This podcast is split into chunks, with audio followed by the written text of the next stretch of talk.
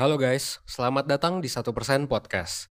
1% adalah startup life school terbesar di Indonesia yang berfokus pada isu kesehatan mental, pengembangan diri, dan edukasi life skill. So, basically 1% itu ngajarin gimana caranya agar lo bisa belajar dan berkembang menjadi lebih baik, seenggaknya 1% setiap harinya, menuju hidup seutuhnya. 1% Podcast adalah podcast yang ngebahas beragam hal menarik yang mengacu pada kurikulum 1%. Mulai dari fundamentals and basic skills, basic mental and physical problems, self-knowledge, relationship, karir dan produktivitas, filosofi, dan juga pop culture. Pada setiap subtopik yang ada, nantinya itu semua akan dibahas oleh hostnya masing-masing. Dan juga akan dibicarakan sama founder, mentor, psikolog, dan juga pakar yang expert dalam bidangnya. Lo semua bisa ngedengerin 1% podcast via Spotify, Google Podcast, Apple Podcast, YouTube, dan juga berbagai platform podcast lainnya. So, don't miss out and stay tune karena setiap harinya kita bakalan upload di jam 10 pagi. And that's all. Enjoy 1% podcast.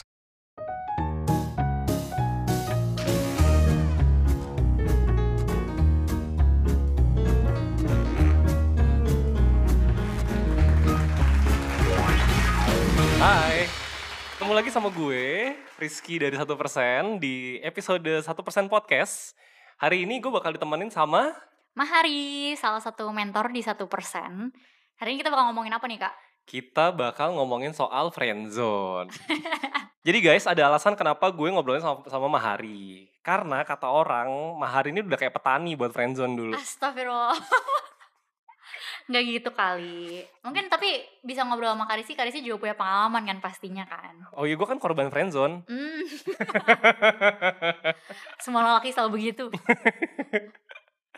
Enggak guys, jadi apa namanya kebetulan gue adalah orang yang pernah berada di kedua sisi gitu kan sebagai korban maupun sebagai pelaku. Mhm. Dan kalau Mahari gue nggak tahu pernah jadi korban apa enggak.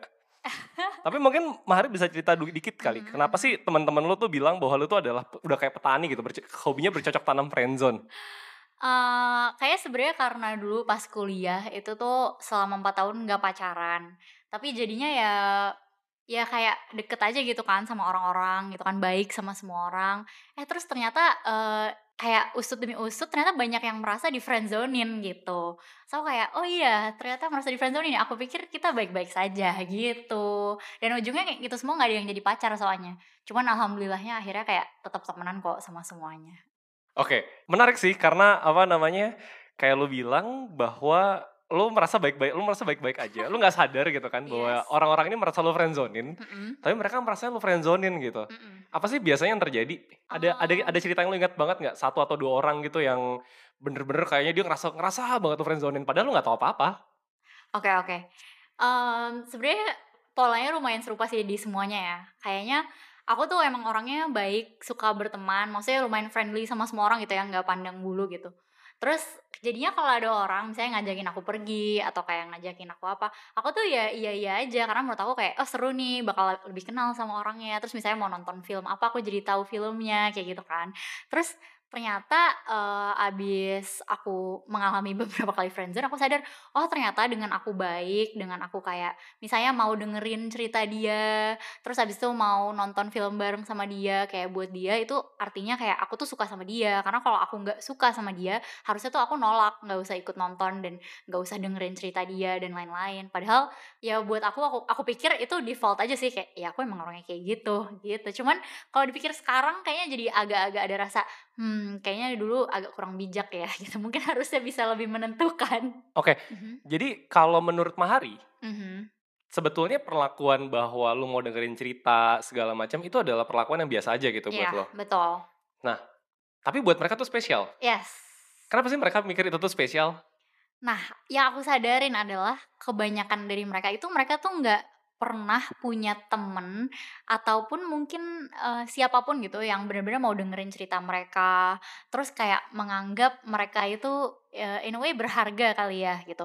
Dan ketika mereka itu ngobrol sama aku mereka jadi merasakan itu kayak oh eh nih orang peduli banget ya misalnya sama gue sama keluarga gue terus dia peduli gue tuh sukanya apa dan lain sebagainya. Jadinya mereka ngerasa kayak oh eh, apa yang kita punya ini lebih dari sekedar temenan loh gitu cuman ya waktu itu aku juga eh, nggak lagi mencari pacar dan nggak ngerasa cocok juga sih sama orang itu tapi ya dia baik aja gitu kayak menarik aja untuk aku jadikan teman gitu Oke, tadi ada satu keyword yang menarik sih menurut gue, yaitu uh, apa namanya perasaan berbeda gitu. Mhm. Jadi kayaknya sebetulnya yang terjadi tuh adalah orang-orang ini, orang-orang yang kena friendzone. Mhm.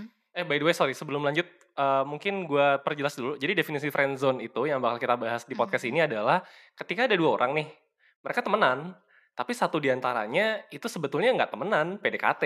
Iya, jadi kayak yang satu tuh punya tujuan diem-diem gitu gak sih? Kayak Iya. pengen lebih. Tapi yang satu kayak, ya kita temenan aja gitu. Hmm. Gue suka se- sama lo sebagai teman. Jadi yang menarik tadi lu, lu mengatakan bahwa ada perlakuan yang berbeda dibandingkan dengan teman pada umumnya. Mm-mm. Dan menurut gue uh, itu sesuatu yang make sense banget bahwa itu bisa jadi orang tuh ngerasa oh ini lebih nih karena dibandingkan perlakuan teman-temannya ke dia ya Mm-mm. emang beda gitu kan. Iya, iya, iya. Padahal bisa jadi yang melakukan itu yang yang dianggap nge-friendzone gitu kan. Ya emang gitu ke semua orang aja. Iya. Jujur iya, bener, bener banget, bener banget. Tapi lu ini gak sih beneran beneran sama gitu ke semua orang? Beneran sih, beneran sama gitu. Kayak mungkin karena itu jadi berulang kali juga sih Hmm. sama orang-orang yang berbeda.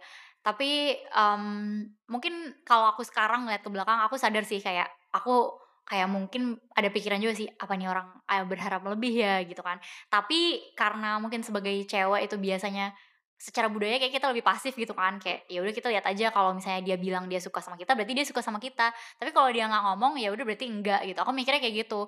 Nah karena mereka nggak ngomong-ngomong jadi aku pikir oh ya udah ini kita temenan biasa aja gitu Tuh, jadi dari sekian cowok yang yang deketin lo terus habis itu kegeeran dan ngerasa di friendzone ini, Mm-mm. itu nggak ada yang ngomong sama lo? Ah, ada sih yang pada akhirnya ngomong gitu tapi udah lama kayak udah setahun atau bahkan lebih dari setahun kita Hmm. kayak eh, sering jalan atau sering apa kayak eh gue tuh sebenarnya suka tahu sama lo gitu kan tapi aku juga udah lumayan jelas sih kayak aku nggak nggak mau pacaran kayak gitu Hmm. kan dan aku nggak menunjukkan kalau aku ngerasa dia spesial banget juga aku ngerasanya. Hmm. tapi dia pikir ya udah eh, nggak apa-apa gue merasa di friendzone sama lo tapi kayaknya lo nggak bermaksud juga deh. Gitu jadi Hmm. eh, pada akhirnya sih sampai sekarang masih temenan baik-baik ya sama semuanya. Cuma aku tahu di banyak kasus nggak kayak gitu sih. Hmm. kayak eh, banyak banget orang yang eh, pas di friendzone ngerasa eh kok ini cewek jahat banget sih kayak memperlakukan gue baik-baik tapi dia sebenarnya cuma pengen temenan sama gue. Ya kayak PHP gitu loh jatuhnya. Tapi yang aku sadarin adalah justru sering banget ketika emang eh, cowok cowok atau orang yang merasa di friendzone ini tuh udah suka itu kayak jadi ada bias gitu loh kayak Hmm. apa pun hal baik yang dilakuin ke dia itu artinya dia suka sama gue dia suka sama gue dan Hmm. itu yang dulu kalau para teman-teman friendzone aku dulu ini bilang kayak mereka kayak gitu ke aku Hmm. tapi ketika mereka sadar aku ternyata baik sama semua orang mereka ya ya sudah deh Tunggu. Eh, gua gua gua mencoba berempati sama sama kita nyebutnya apa ya? Friendzonan lo, korban lo, fans lo. Fans deh, gue coba berempati sama fans-fans yang Mhm. Mahari nih. Jadi mereka itu mereka baik nih sama Mahari. Hmm. Terus Mahari emang orangnya baik gitu kan. Jadi baik sama Mhm. semua orang. Terus habis itu mereka ngerasa di PHP-in gitu. Tapi mereka juga nggak nggak menyatakan juga kan kalau suka. enggak Terus mereka harapannya apa coba? harapannya aku juga bingung sih mungkin mereka tuh berharap ada gesture dari aku yang menunjukkan kalau aku suka juga sama mereka gitu Hmm. tapi aku nggak pernah menunjukkan itu kan karena Hmm. kayak sama aja ke semua orang terus mereka jadi bingung sendiri terus biasanya tuh jadi nanya-nanya sama temen Hmm. nah pas udah nanya sama temen aku tahu dong lah Hmm. ternyata dia suka sama Oh gue gitu. gitu Gesture Kayak apa yang bisa diharapkan ya? Gue Iya, bingung iya juga. juga ya. apakah tiba-tiba pegangan tangan gitu atau kayak apa gitu nggak tahu juga ya Hah, itu menarik sih guys. Jadi coba eh, kalian yang apa namanya yang ngerasa di friendzone selama ini, coba pikir deh. Kalian tuh berharapnya apa sih? Maksud gue buat ini ya, buat kasus-kasus yang mirip dengan friendzonanya Mahari. Jadi eh, kalian cowok-cowok atau cewek-cewek di luar sana yang suka sama orang, terus habis itu sudah diperlakukan dengan baik, tapi kalian ngerasa di PHP-in, tapi kalian nggak nembak atau nggak ngapain juga gitu. Mhm. Berharapnya ngapain? Apakah target kalian nembak kalian duluan gitu kan? Kayak nggak lucu juga. Lu yang suka gitu kan? betul betul bener-bener dan ya kayaknya sih kebanyakan alasannya juga adalah kenapa akhirnya tuh kayak nunggu-nunggu ada Mhm. gesture tertentu dan pada akhirnya nggak ada juga itu karena sebenarnya takut juga sih mau ngomong Hmm. ya nggak sih kak kayak eh, takut banget kalau misalnya ngomong kalau dia suka nanti jadi nggak bisa temenan lagi atau mungkin nanti interaksi mereka tuh kayak bakal jadi canggung gitu ya udah deh Hmm. nggak apa-apa gue memendam perasaan gue nih tapi eh, kita bisa lanjut jalan terus dan lain-lain aku sih eh, Hmm. mikirnya kayak gitu Itu bisa jadi sih. Karena kan kalau misalkan tadi lu bilang bahwa apa namanya? Memang ada per- perbedaan perlakuan yang dia terima dari orang lain dan dari target dari target friendzone-nya ini, Ah, ah. berarti kan emang kemungkinan dia di luar daripada si target friendzone-nya ini emang nggak ada orang lain yang perlakukan dia baik gitu kan. Mhm, mhm. Kayak ya udah gitu kan. Ya wajar-wajar aja dia takut kehilangan itu semua sih. Tapi sebetulnya kalau misalkan nembak lu bakal ngejauhin gak sih? Jujur bergantung orang ya. Kayak ada orang-orang tertentu yang bisa besoknya langsung sesans itu. Ada yang kayak marah, sakit hati, butuh tiga bulan kita nggak ngomong dulu. Jadi kalau Ini dari yang marah sih eh, korbannya apa lunya? korbannya. Oh, Jadi kayak kalau dari aku sih aku menyesuaikan aja kayak enaknya gimana kalau dianya gitu. Hmm. Karena kalau aku sih aku sans aja pasti ada lah awkward awkward yang kayak Hmm. ya maaf ya kita nggak bisa saling memenuhi kebutuhan kita gitu kan. Tapi ya udah habis itu lanjut aja. Karena emang pasti di dalam hubungan apa pun teman, pacaran, eh, suami istri pasti harus ada hubungan timbal balik kan. Mhm. Dan kalau misalnya friendzone tuh jadi timpang aja sih Hmm. dan rasanya nggak enak gitu. Tapi pas akhirnya udah jelas kayak udah ngomong dan dia nembak atau apa terus kayak ya udah ini udah berakhir ya hubungan ketimbal balikan yang tidak seimbang itu juga berakhir jadi sebenarnya ada kelegaan juga sih kalau dari sisi aku Hmm. Bentar, gue mencoba mencerna ya. Mhm, mhm. Terus kalau misalkan salah satu dari cowok-cowok itu nembak lo, Mhm. bakal lu terima gak sih sebetulnya? enggak Kenapa? Kenapa? Apa sih apa sih yang ngebedain? Kan kan lo emang berbuat baik. Gue ngerti lah lo emang berbuat baik sama Hmm. semua orang gitu kan. Lo emang ramah segala macem. Tapi kan buat orang-orang ini kan mereka tuh pasti udah ngasih effort lebih buat lo. Kemudian Hmm. kalian juga pasti spend waktu lebih banyak kan dibandingkan lo dengan teman-teman Mhm. lain yang beneran Mhm. saling casual gitu kan.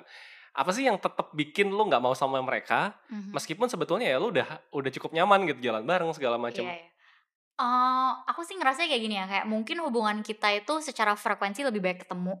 Eh, ngomongnya mungkin juga lebih intens dan lain sebagainya. Dan mungkin dia juga baik banget kayak ngasih inilah, nganterin lah, apa segala macam lah, eh, segala rupa acts of services tuh dia lakuin gitu kan.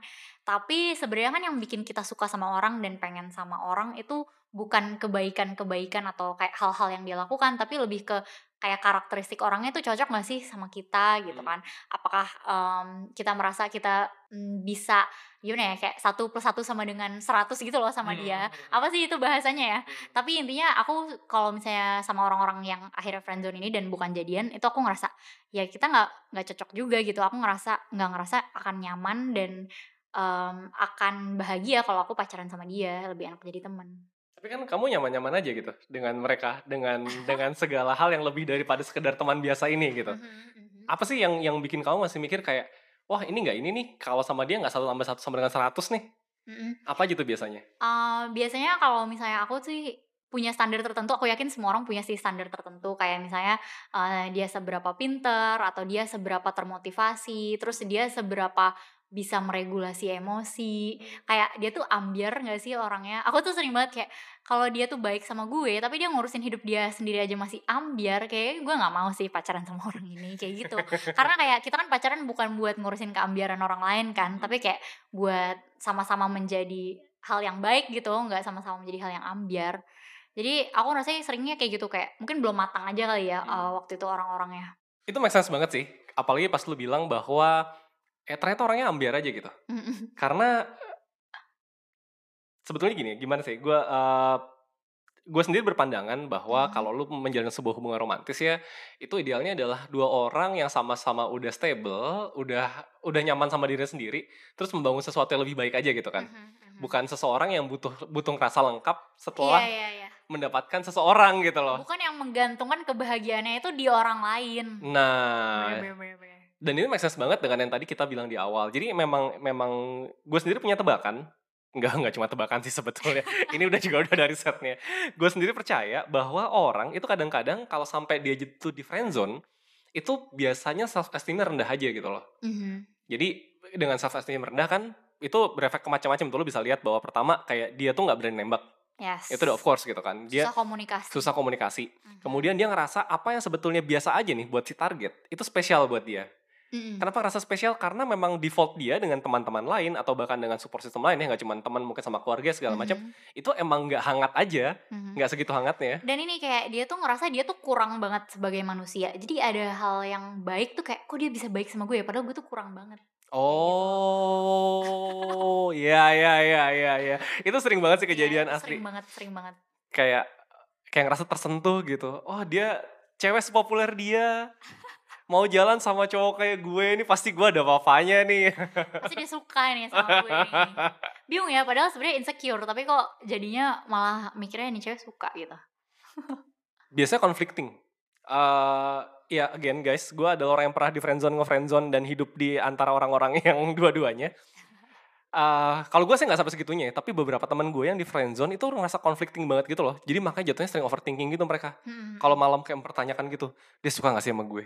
Kayak dipikir kayaknya dia suka deh karena dia kemarin tuh pas gue kayak gini dia senyum ke gue gitu.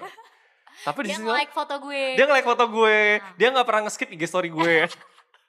Aduh maaf ya kalau kalian yang ngedengerin akun itu kayak please guys move on, move on. Iya, tapi di sisi lain, hmm, tapi kalau dipikir suka, pas kemarin gue bilang begini, dia ngeresponnya biasa aja gitu. Iya, iya, iya. Makanya jadi kayak conflicting banget aja. Jadi toxic sih sebenarnya kan kalau kayak gitu. Toxic sama diri sendiri. ya, ya bener bener bener. Tapi sebenarnya apa sih emang yang dirasain sama orang yang di friendzone? Kayak Karisi kan pernah nih dua-duanya nih.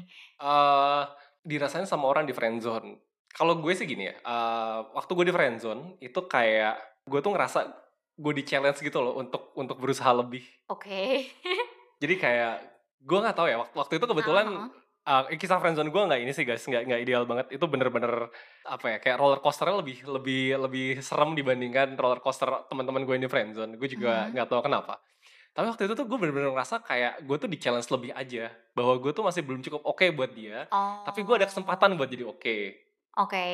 gitu. Dan karena karena eh ya gue cerita aja deh.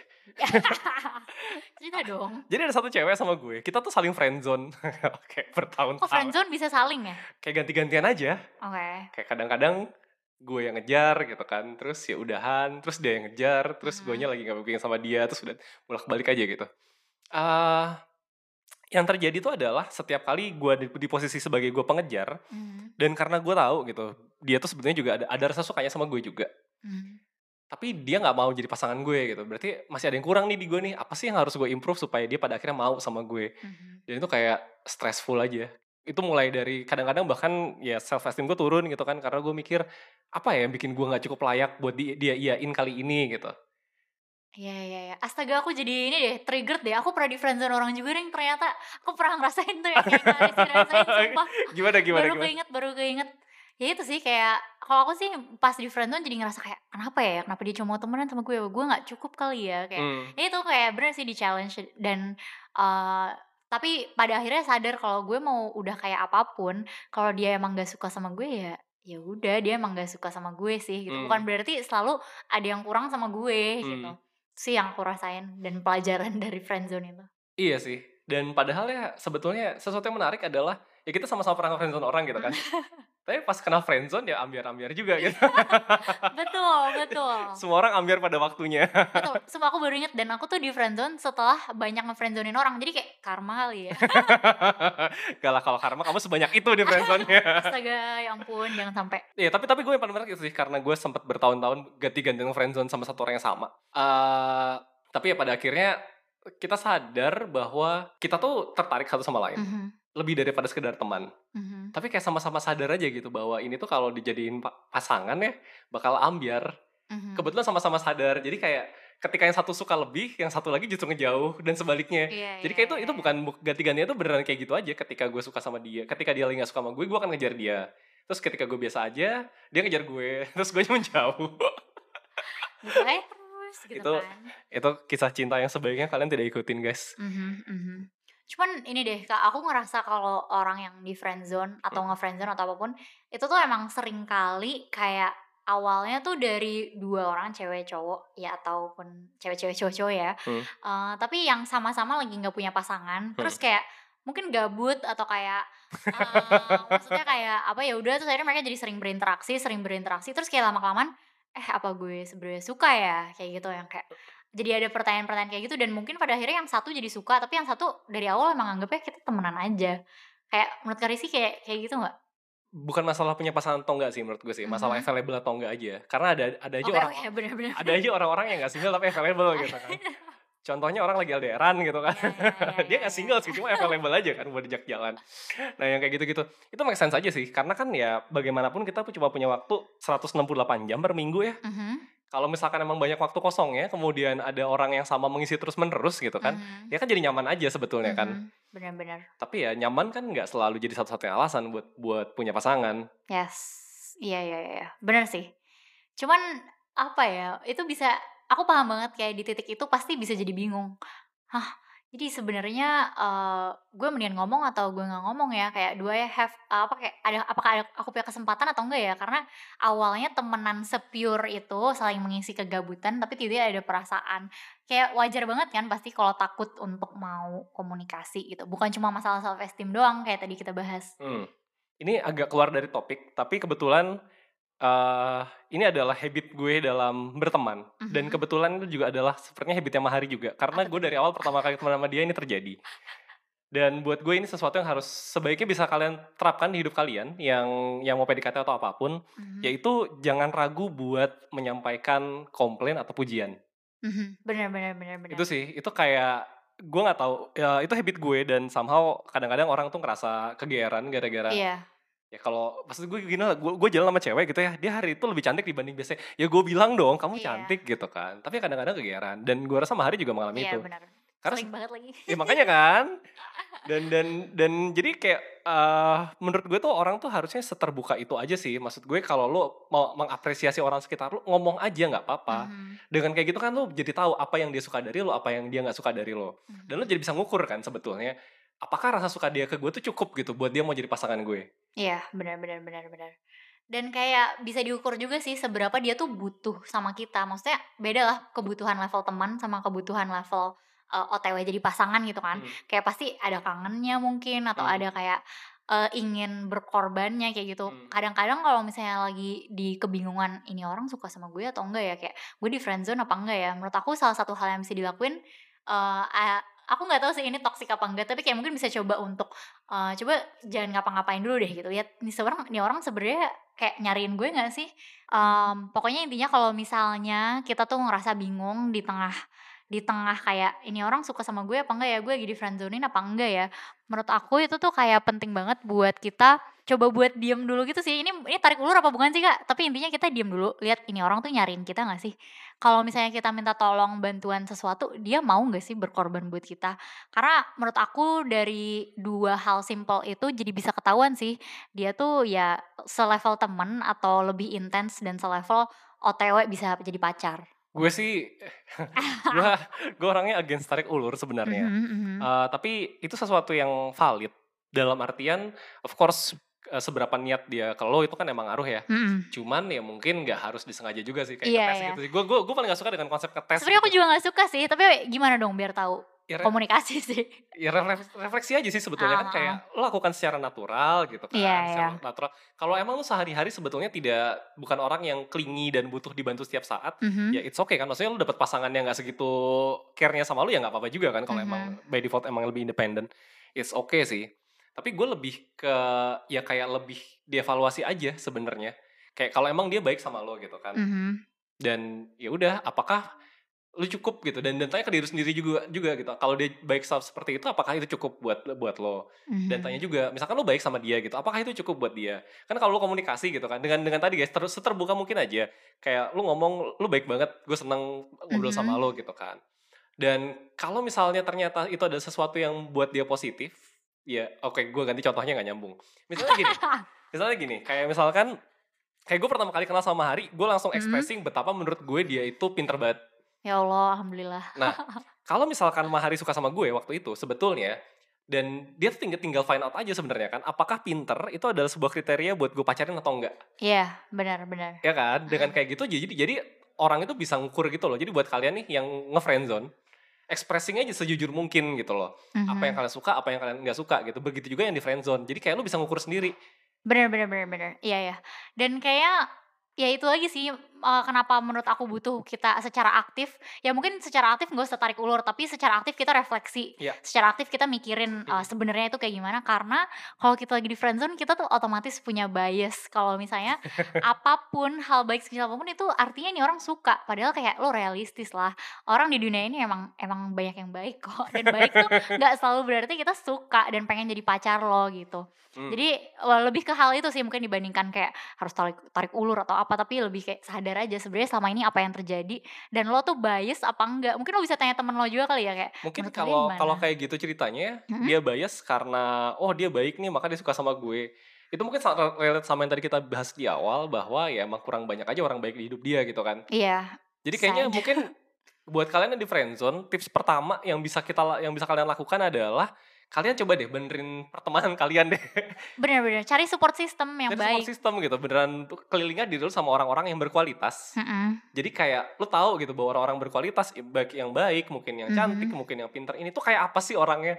Dan lo tuh nggak ter ketergantungan sama si satu orang ini yang ngefriendzonin lo kayak ya udah lo punya banyak orang lain yang bisa nerima lo, bisa menghargai lo dan lo nggak butuh ada di hubungan yang agak toksik juga kan sebenarnya friendzone kan kayak Iya. lo berharap lebih tapi lo nggak bisa apa-apa nggak bisa apa-apanya sih yang bikin toksik jadi kayak eh, cari lingkungan di mana lo merasa nyaman dan diterima dan lo nggak butuh jadi orang yang ngasih terus ngasih terus ngasih terus tanpa menerima kembali gitu kan itu kan sedih banget Ini relate sama ini sih. Gue pernah baca satu riset yang bilang bahwa kemungkinan romance itu sukses itu adalah kalau kalian itu punya punya social value tuh mirip-mirip. Mhm. Nah, da- jadi dalam artian gini. Kadang-kadang tuh kayak tadi ya, kayak eh, orang-orang yang nge-friendzone karena populer, karena dia emang baik ke Mhm. semua orang segala macam, itu pasti kan social value-nya tinggi gitu kan. Iya, Kemungkinan yang yang di- yang yang sampai ngerasa di friendzone itu ngedeketin padahal social value-nya tuh di bawah iya. dengan benar, cukup benar, jauh benar. gitu kan. Mm. Jadi dia kayak nggak nggak punya komparasi gitu. Apakah emang orang-orang di social value tinggi itu emang semuanya baik atau Mhm. dia doang yang spesial nih gitu Iya, kan? iya, iya. Dan itu bikin bikin jadi apa ya? Dan buat gue ini juga penting karena ketika kalian tuh sangat-sangat berbeda, itu susah gitu buat relate satu sama lain. Iya. Jadi Bener, susah bener, buat bener, ngerti apakah oh ini ada sesuatu yang menyenangkan buat dia karena lu jauh aja sama dia gitu kan. Iya. Mungkin karena circle lu beda jauh gitu kan, beda be- apa namanya mungkin circle Beda dia cara berinteraksi beda kan cara sebenarnya. berinteraksi aja Mhm. gitu. Jadi memang sebaiknya ini eh, kalau cari gebetan ya cari yang mirip-mirip gitu loh apa namanya sosial so- sosial value-nya gitu kan. Jadi pertemanannya tuh mirip-mirip polanya, kemudian circle-nya juga ya kurang-kurang mirip-mirip lah. Ini yang kedua ya, berarti tips yang kedua nih. Tips yang kedua. Oh, pokoknya kayak em, minimalisir apa ya ketimpangan. minimalisir apa ya kak itu bahasanya ya? Hmm, Gap. intinya ya cari orang yang serupa lah gitu karena kalau misalnya kita udah di dalam satu kelompok yang cara interaksinya lumayan mirip kita lebih bisa menilai dengan objektif sih Hmm, Eh, sebenarnya dia ke kita itu lebih dari yang biasa atau sebenarnya itu biasa aja mm-mm. Terus kalau yang ketiga menurut aku itu pasti banget harus belajar buat mengkomunikasikan. Tadi emang di awal kita sempat ngomongin itu juga. Tapi eh, kalau misalnya lo tuh bingung nih sekarang gue lagi di friendzone apa enggak ya? Gue lagi di friendzone apa enggak ya? Kayak ya udah eh, lo sampein aja kalau misalnya lo kayak eh sebenarnya gue tuh takut deh gue di friendzone sama lo. Bisa aja kan ngomong kayak Hmm. gitu. Kayak segamblang itu karena eh, aku pernah baca satu penelitian gitu tentang friendzone yang bilang kalau misalnya orang itu akan jauh-jauh-jauh lebih sakit kalau misalnya mereka itu nggak ngomong kalau misalnya mereka suka sama si friendzonannya ini eh, dibandingkan mereka tuh ditolak gitu karena kayak Oh. What if what if gitu kan overthinking kan kayak jangan-jangan ya. kalau misalnya gue kemarin ngomong kita udah jadian sekarang tapi kayak, Oh. ya udah sampai dia jadi sama orang lain aja kayak gitu kayak sakit gitu jadi em, walaupun dua-duanya adalah mungkin pilihan yang bisa aja ada rasa sakitnya tapi lebih bijak buat ngomongin sih gitu Hmm. Betul. Oke. Eh, eh sorry gue tadi masih masih mau bahas yang yang nomor dua sebetulnya. oke oke Jadi kadang-kadang gini ya, kadang-kadang tuh eh, kita emang pingin sama kita mengidolakan seseorang gitu, terus kita pengen jadi pasangannya. Mhm. Dan menurut gue itu nggak baik sih. Of course gue tahu ada orang-orang yang yang yang kebetulan berhasil gitu kan. long shot Ha-ha. Cuman itu sebagian besar kasus tuh tidak tidak berhasil. Mhm. Jadi kalau kalian pingin punya pasangan yang oke, sementara kalian sendiri nggak oke, pilihannya tuh ada dua. Antara kalian turunin standar kalian, atau kalian naikin harga diri kalian gitu Betul. loh. betul betul betul At some point lu bakal jadi oke juga kok kalau terus improve. Mhm. Dan percayalah maksudnya walaupun yang lo idola-idolakan itu lo ngerasa kayak, "Eh, ntar kalau gue pacaran sama dia bakal enak, bakal ini." Tapi kalau kalian tuh beda jauh antara harga diri dan uh, lain sebagainya itu bakal hubungannya nggak enak juga gitu. Bakal penuh ke insecurity, uh, bakal penuh insecurity. Terus Betul. kayak uh, cara komunikasinya juga bakal beda gitu. Mungkin karena itu kayak kalau kita misalnya ngeliat artis, artis Hmm. kebanyakan pacaran sama artis juga Hmm. kan.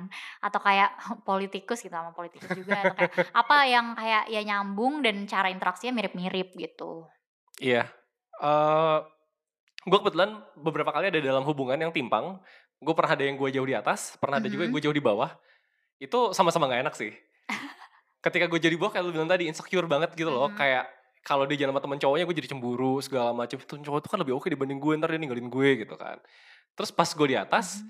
kayak ya udah kayak pas itu pasangan gue jadi insecure parah terus dia cemburuan terus ya kayak gitulah kayak ngerecok-recokin gitu gue lagi main Dota sama teman-teman gue dikira gue lagi selingkuh gitu kan apa sih Aduh.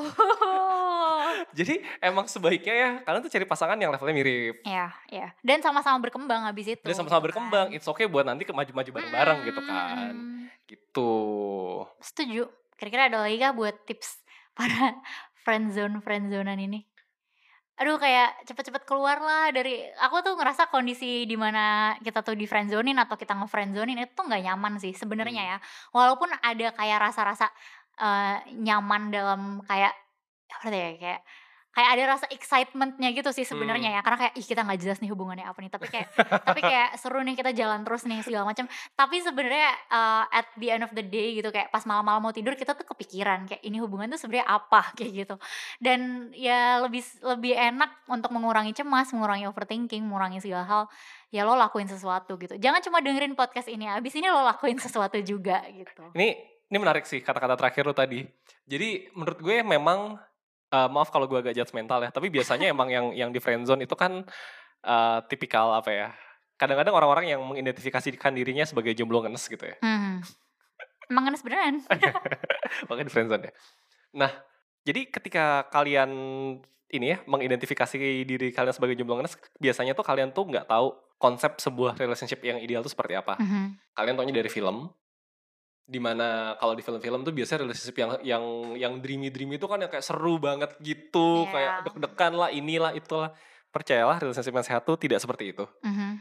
relationship yang sehat tuh yang lebih lebih stabil lebih stabil aja Oh. gitu justru kasih hal positif buat diri lo kan Mhm. dan hal positifnya tuh beneran bisa lo pakai di bidang lain di hidup lo gitu loh Mhm. bukan jadi lo jadi mikirin dia setiap saat kayak oh dia gini gini gitu gitu, gitu. Tapi lebih kayak lo tahu bahwa lo punya sebuah seorang Mhm. support system yang stable banget yang lo bisa rely sama dia yang lo Mhm. sayang sama dia dan dia menarik buat lo terus ya udah itu jadi jadi kayak sebuah fondasi stabil buat hidup lo jadi lo bisa improve hidup Mhm. lo di sisi di, di bagian lain Bener bener banget bener banget.